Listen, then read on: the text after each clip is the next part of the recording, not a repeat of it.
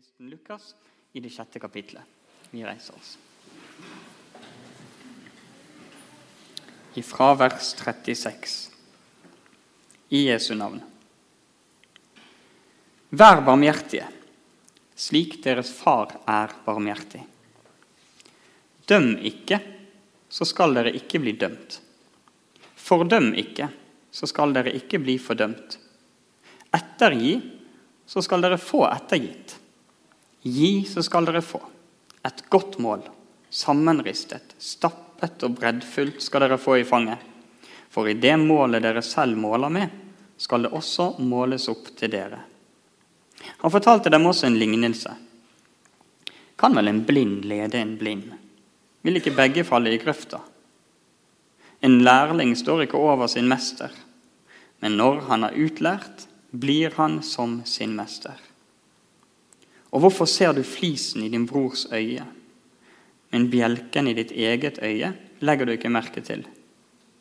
Hvordan kan du si til din bror, 'Bror, la meg ta flisen ut av øyet ditt', når du ikke ser bjelken i ditt eget øye? Din hykler. Ta først bjelken ut av ditt eget øye. Da vil du se klart nok til å ta flisen ut av øyet til din bror. Slik lyder Herrens ord. Hva var det Jesus gikk rundt og snakket om på en hvilken som helst dag? Ofte så kan vi eh, så kan vi ha noen sånne assosiasjoner og tanker til hva var Jesus sitt budskap? Hva var det han snakket om? Og så dukker det opp noen ord inni oss som liksom setter Viser litt for oss sjøl, da, hva Jesus faktisk snakket om. Og det du tenker at Jesus snakket om og sa, det har ganske mye å si for ditt bilde av Gud og hvem han var. Og Hvis vi spør folk rundt omkring på gaten, kanskje, og så spør vi hva var Jesus sitt budskap? Hva snakket han om? Da vil folk kanskje si sånne ting som dette. Um, han snakket om kjærlighet. Og så sa han at ikke du skal dømme andre mennesker. Og så var han en snill mann. Og så snakker Jesus ganske lite om kjærlighet i forhold til veldig mye annet. Og så snakker han ganske lite om å ikke dømme i forhold til ganske mye annet. Så hva var det han sa? Hva var budskapet hans? Og nå vi, har vi lest litt ifra en preken som vi kaller for Sletteprekenen, som ligner veldig mye på bergprekenen som vi finner i Matteusevangeliet, bortsett fra at slettepreken er litt kortere. Og det kan jo kanskje bety at noe av det Jesus snakker om her, både i bergprekenen og i sletteprekenen, det var noe som var så viktig at han snakket om det mange ganger og mange steder. Han hadde tre år på seg til å forkynne budskapet sitt. Og dette budskapet, det som går igjen i veldig, veldig mange sammenhenger når vi hører Jesus tale, det er Guds rike. Når Jesus skulle forkynne noe og fortelle noe, så snakket han om Guds rike. Guds rike er kommet nær. Det var noe av det første han sa når han begynte å snakke offentlig. Og så bruker han både bergprekenen, men òg sletteprekenen til å vise hva Guds rike er for noe. Og sletteprekenen som vi leste fra, den åpner sånn. Salige er dere fattige. Guds rike er deres. Og så kommer hele denne lange talen som viser oss hva er Guds rike. Åssen ser Guds rike ut, og hva kjennetegner det hva kjennetegner det folket som lever i Guds rike?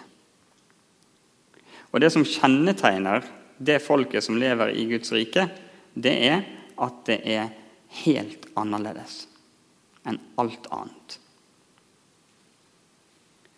For når vi leser litt videre i Slettepreken, i vers nummer 31, som kommer litt før vår tekst, så sier Jesus.: Elsk deres fiender.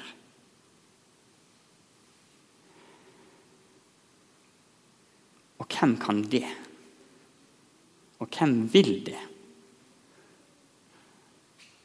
Når Jesus forkynner om Guds rike i all sin forkynnelse, så er det helt sånn motsatt av det som er naturlig for oss. Det er ingenting som er naturlig med å elske sin fiende. Men det er Jesus sitt budskap. I Guds rike, der er det annerledes. Så Da har vi på en måte fått litt bakteppe. Jesus han forkynner Guds rike, og så viser han i slettepreken hva Guds rike er for noe. Det er et annerledes rike, der du får i oppdrag å elske din fiende. Og det er de fattige som har fått salighet. Og alt er snudd opp ned, og ingenting ligner på det som jødene og fariseerne sånn som de hadde det. Og Så kommer vi til vår tekst, der Jesus innleder med å si Vær barmhjertige, slik deres himmelske Far er barmhjertig. Og Dette er òg annerledes enn det som er naturlig for oss.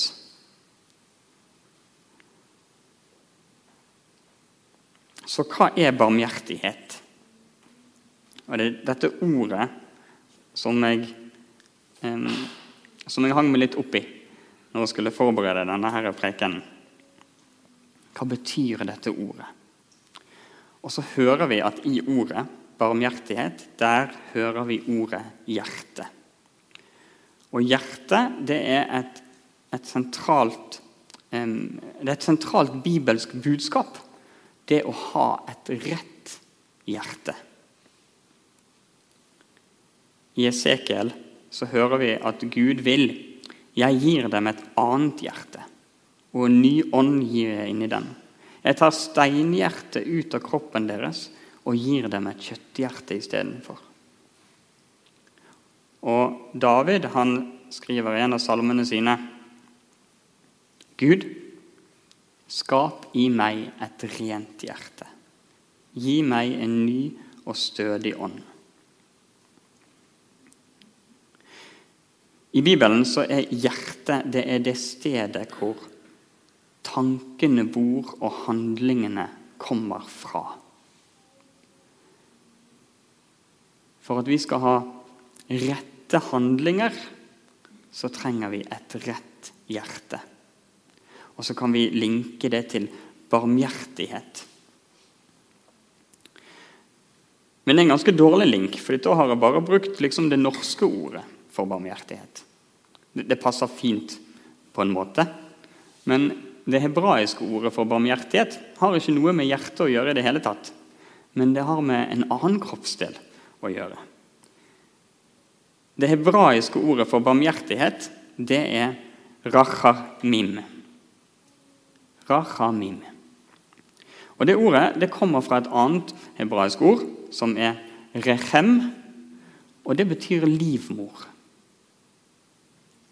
Så barmhjertighet det henger sammen med det hebraiske ordet for livmor. Og det er der at det sterke båndet av kjærlighet og omsorg fra en mor til sitt barn starter. Og det er der det vokser fram. Allerede når barnet er inni magen til mammaen sin så vokser det fram et sånt sterkt, sterkt bånd. Og vi som er menn, vi har noe å lære av at barmhjertighet henger sammen med den formen for omsorg og kjærlighet. En sånn nærhet og en sånn varme som, som omslutter den den er rettet mot. Det er barmhjertighet. Og hvis du er mor, så trenger du ingen videre forklaring for hva som menes med barmhjertighet. Fordi du har førstehåndskjennskap til det. Barmhjertighet det er den varmen og den omsorgen du har for ditt barn. Og så er barmhjertighet det er som en egenskap så er det en gave fra Gud. Alt vi har av egenskaper, det er gaver fra Gud.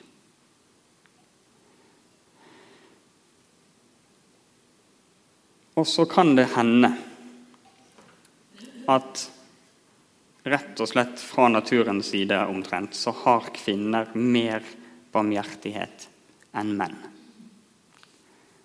Jeg tror det er sant. Jeg tror at historien mange ganger viser at det er sant. Og jeg tror at dere som er mødre, dere kjenner at det er sant, for dere har sett at vi mannfolkene vi, vi, vi har ikke den omsorgen alltid. Vi går oss blind og ser ikke det som dere syns at vi skal se. Så vi andre, vi må øve oss. Vi må øve oss på å tenke at barmhjertighet, det er sånn som kvinner har å gjøre. Og så må vi andre bare øve.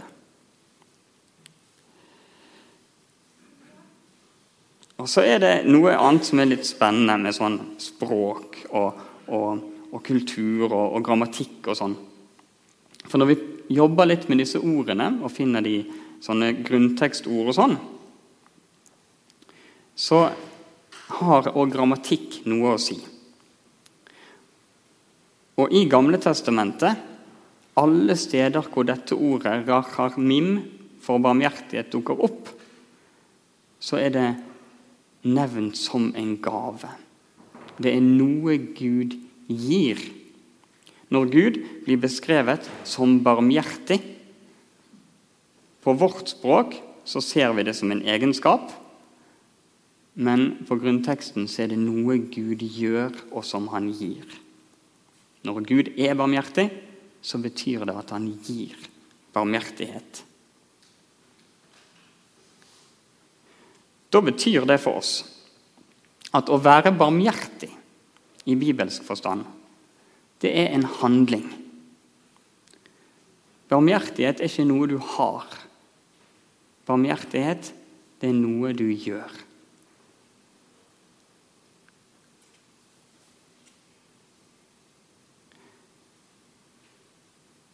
Og så ser vi det Den handlingen den viser Jesus oss i en av lignelsene sine. Og Det er jo en preken for seg sjøl, så vi skal ikke ta det. Men, men vi har hørt om den barmhjertige samaritan, hvor Jesus viser oss hva barmhjertighet er. Det er den handlingen å omslutte noen med en varme og med en kjærlighet og med en omsorg, sjøl om du egentlig ikke har noe med det mennesket å gjøre. Sjøl om andre burde gjort det istedenfor deg. Prestene og levittene som gikk forbi, den, eh, han som lå var skadet, de burde gjort det. De burde vist barmhjertighet. Samaritanen, han burde latt være. Han burde bare gå rett forbi, for det var fienden hans som lå der. Barmhjertighet er når vi gir når det ikke er forventet. Så hvis du går hjem og leser fortellingen om den barmhjertige samaritan, så lærer du hva barmhjertighet er for noe. Og Så kan vi se på det ordet barmhjertighet, og så kan vi fange noe av meningen og innholdet med å se på hva er det motsatte. da. Hva er det motsatte av barmhjertighet? Og det er ubarmhjertighet.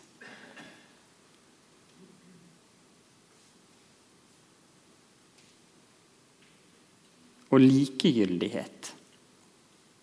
Sånn som prestene og levitene. De gikk forbi.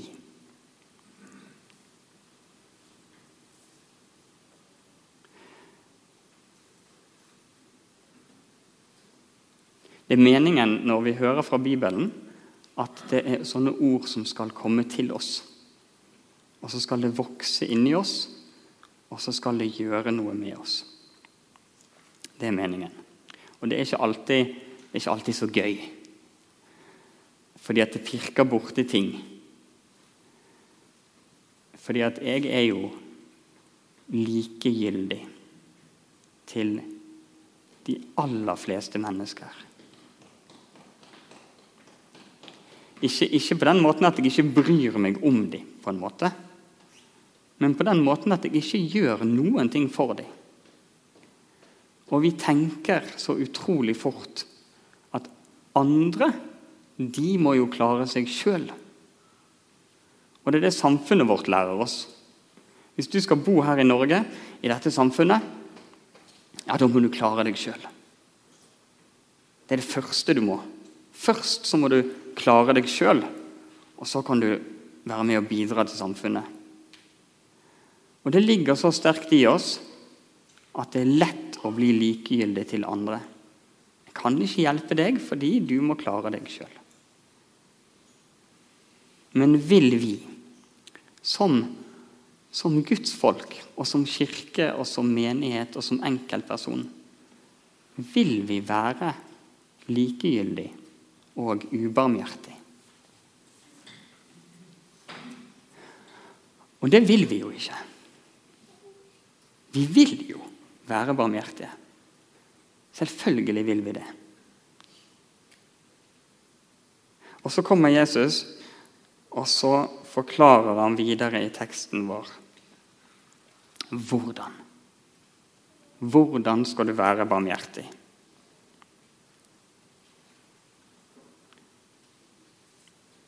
Når Jesus sier 'vær barmhjertig', så vil det si 'døm ikke'. Når Jesus sier 'vær barmhjertig', så vil det si 'tilgi andre'.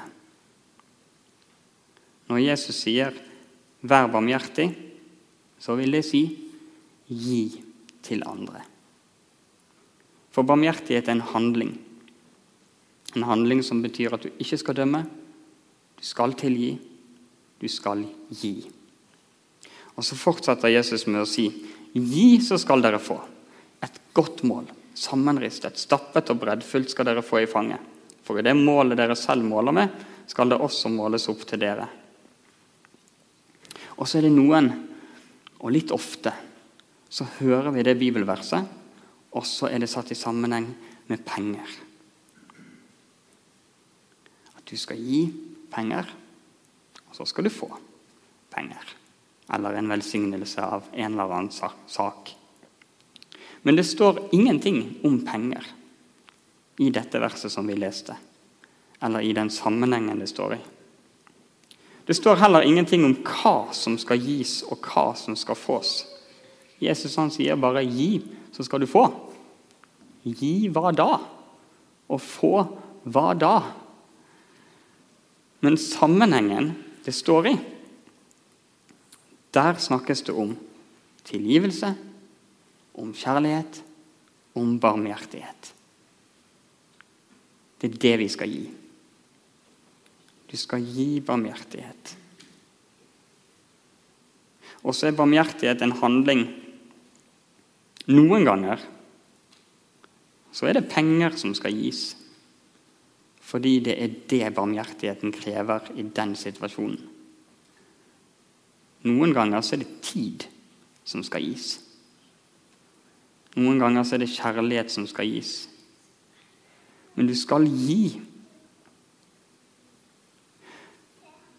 For sankthansstevnet som vi hadde litt tidligere i sommer, så, så, så snakket jeg litt om noe som ligner og Da snakket vi om kjærlighet, og at kjærlighet er noe som, som du ikke skal sitte og så ruge på for deg sjøl.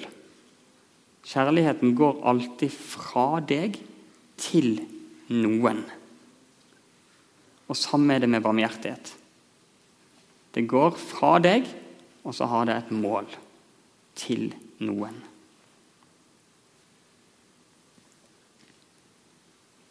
Og Så fortsetter Jesus med å si at for å være barmhjertig, så skal du tilgi. Tilgi hverandre. Og da, da, har vi på en måte det sentrumsverset som vi leste helt i starten. Elsk deres fiender. Å tilgi hverandre, det betyr ikke å, å glemme. Å glemme at noe ble galt.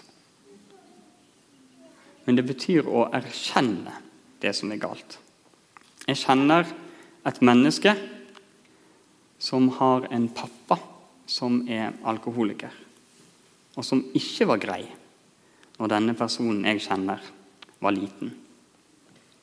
Og så kan denne personen fortelle at nå er jeg blitt voksen, og jeg må tilgi pappa. Men så betyr ikke det å si til pappaen sin at, at nå glemmer vi alt sammen. For å tilgi, for at denne personen skulle tilgi sin far, så måtte, så måtte hun gå til pappaen sin og måtte si Det du gjorde, det var ikke greit. Det du gjorde, det var galt. Det du gjorde, det førte til sånn og sånn og sånn. Men jeg er glad i deg, og jeg tilgir deg.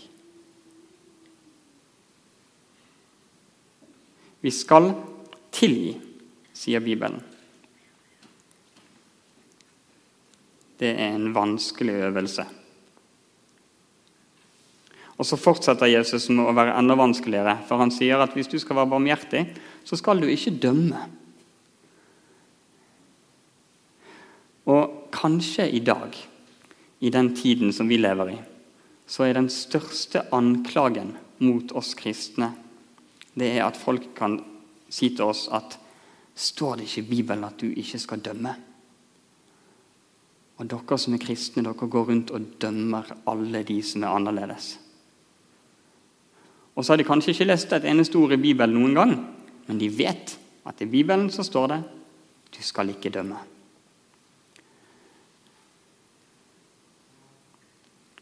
Men så er, så er problemet, da Det er hvis vi tenker at fordi vi ikke skal dømme, så skal vi akseptere. Og da åpnes det opp for alle mulige ting som ikke er greit, ifølge Bibelen. Og det er ikke det Jesus snakker om.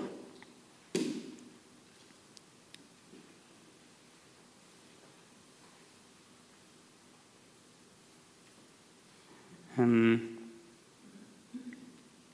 for hvis vi ikke vil dømme andre og la de bare ture på som de vil, på en måte, eller at vi bare skal akseptere alt som foregår, så kan det fort føre til likegyldighet, det òg.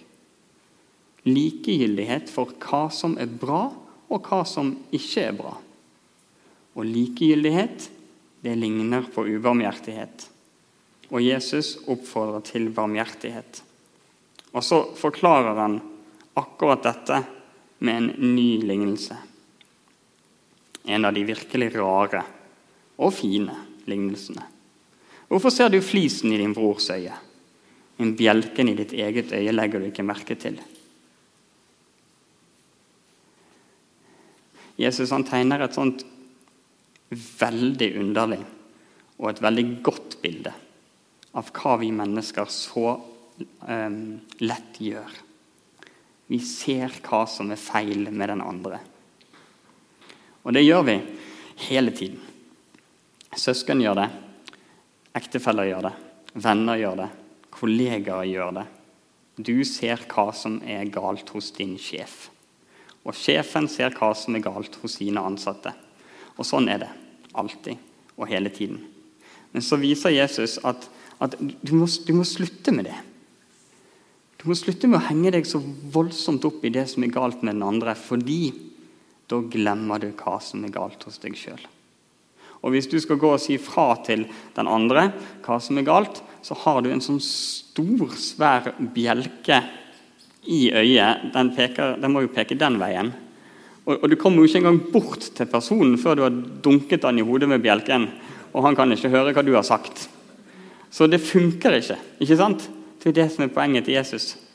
Det funker ikke å skulle prøve å irettesette noen andre uten at du først ser på deg sjøl. Og så er det en ting som er fint her.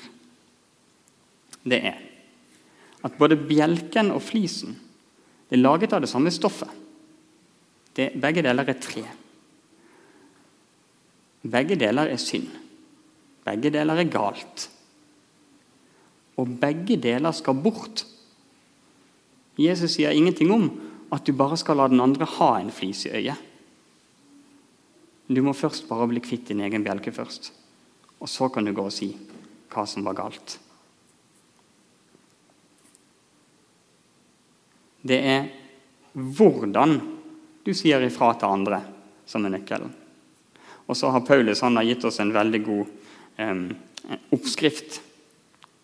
I Galaterne 6 der står det Mine søsken, hvis en av dere blir grepet i et feiltrinn, må dere som har Ånden, hjelpe ham til rette. Men gjør det med et ydmykt sinn, og pass deg selv så ikke du også blir fristet. Bær byrdene for hverandre, og oppfyll på den måten Kristi lov. Bibelen sier helt klart at det som er galt hos oss, det som skaper sår i øynene våre, det skal bort, og det skal vekk, og vi skal hjelpe hverandre til det. Men det må gjøres med barmhjertighet. En, en omsluttende omsorg. Du kan ikke bare gå til en person og si at 'det du gjør, er galt', du får fikse det sjøl. Barmhjertighet det er når du omslutter med omsorg. Det betyr at da må du være villig til å hjelpe også. Da må du være villig til å bruke tid for å hjelpe den som trenger hjelp. Men så har du en bjelke i ditt eget øye. Og åssen skal du få den bort?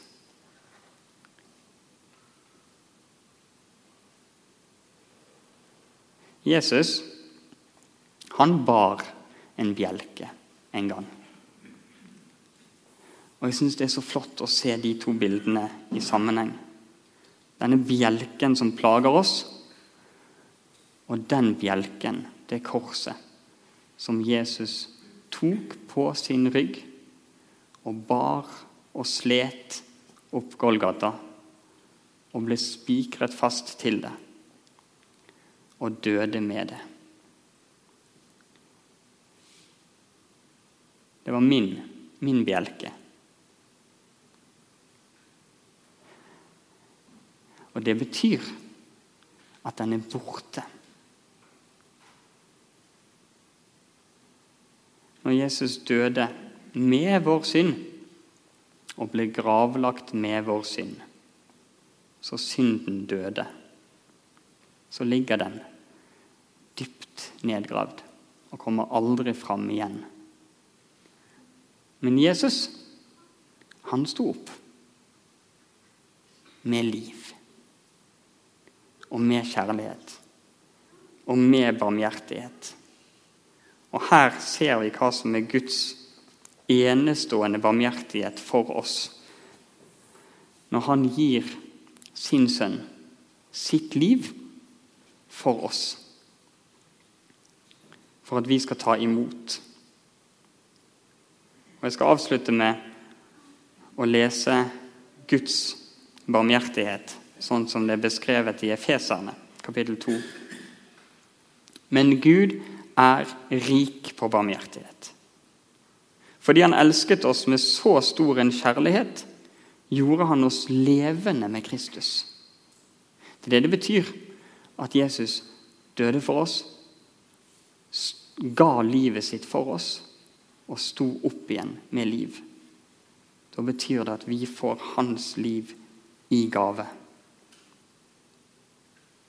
Gjorde oss levende med Kristus, vi som var døde pga. våre misgjerninger.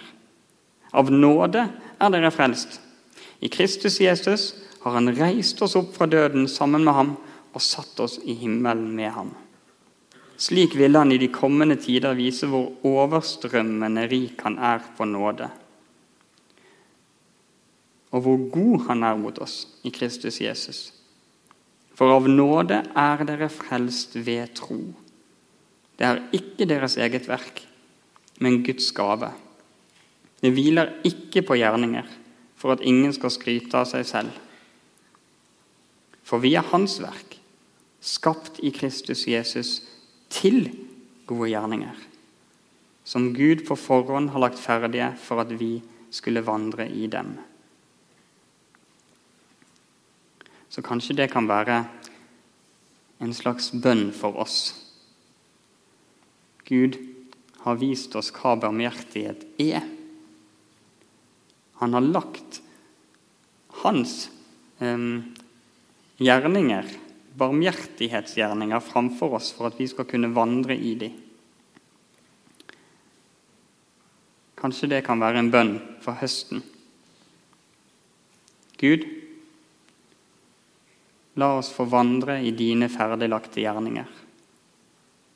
La oss få leve som barmhjertige mennesker som vil se andre, som vil hjelpe andre, som vil gi omsorg til andre.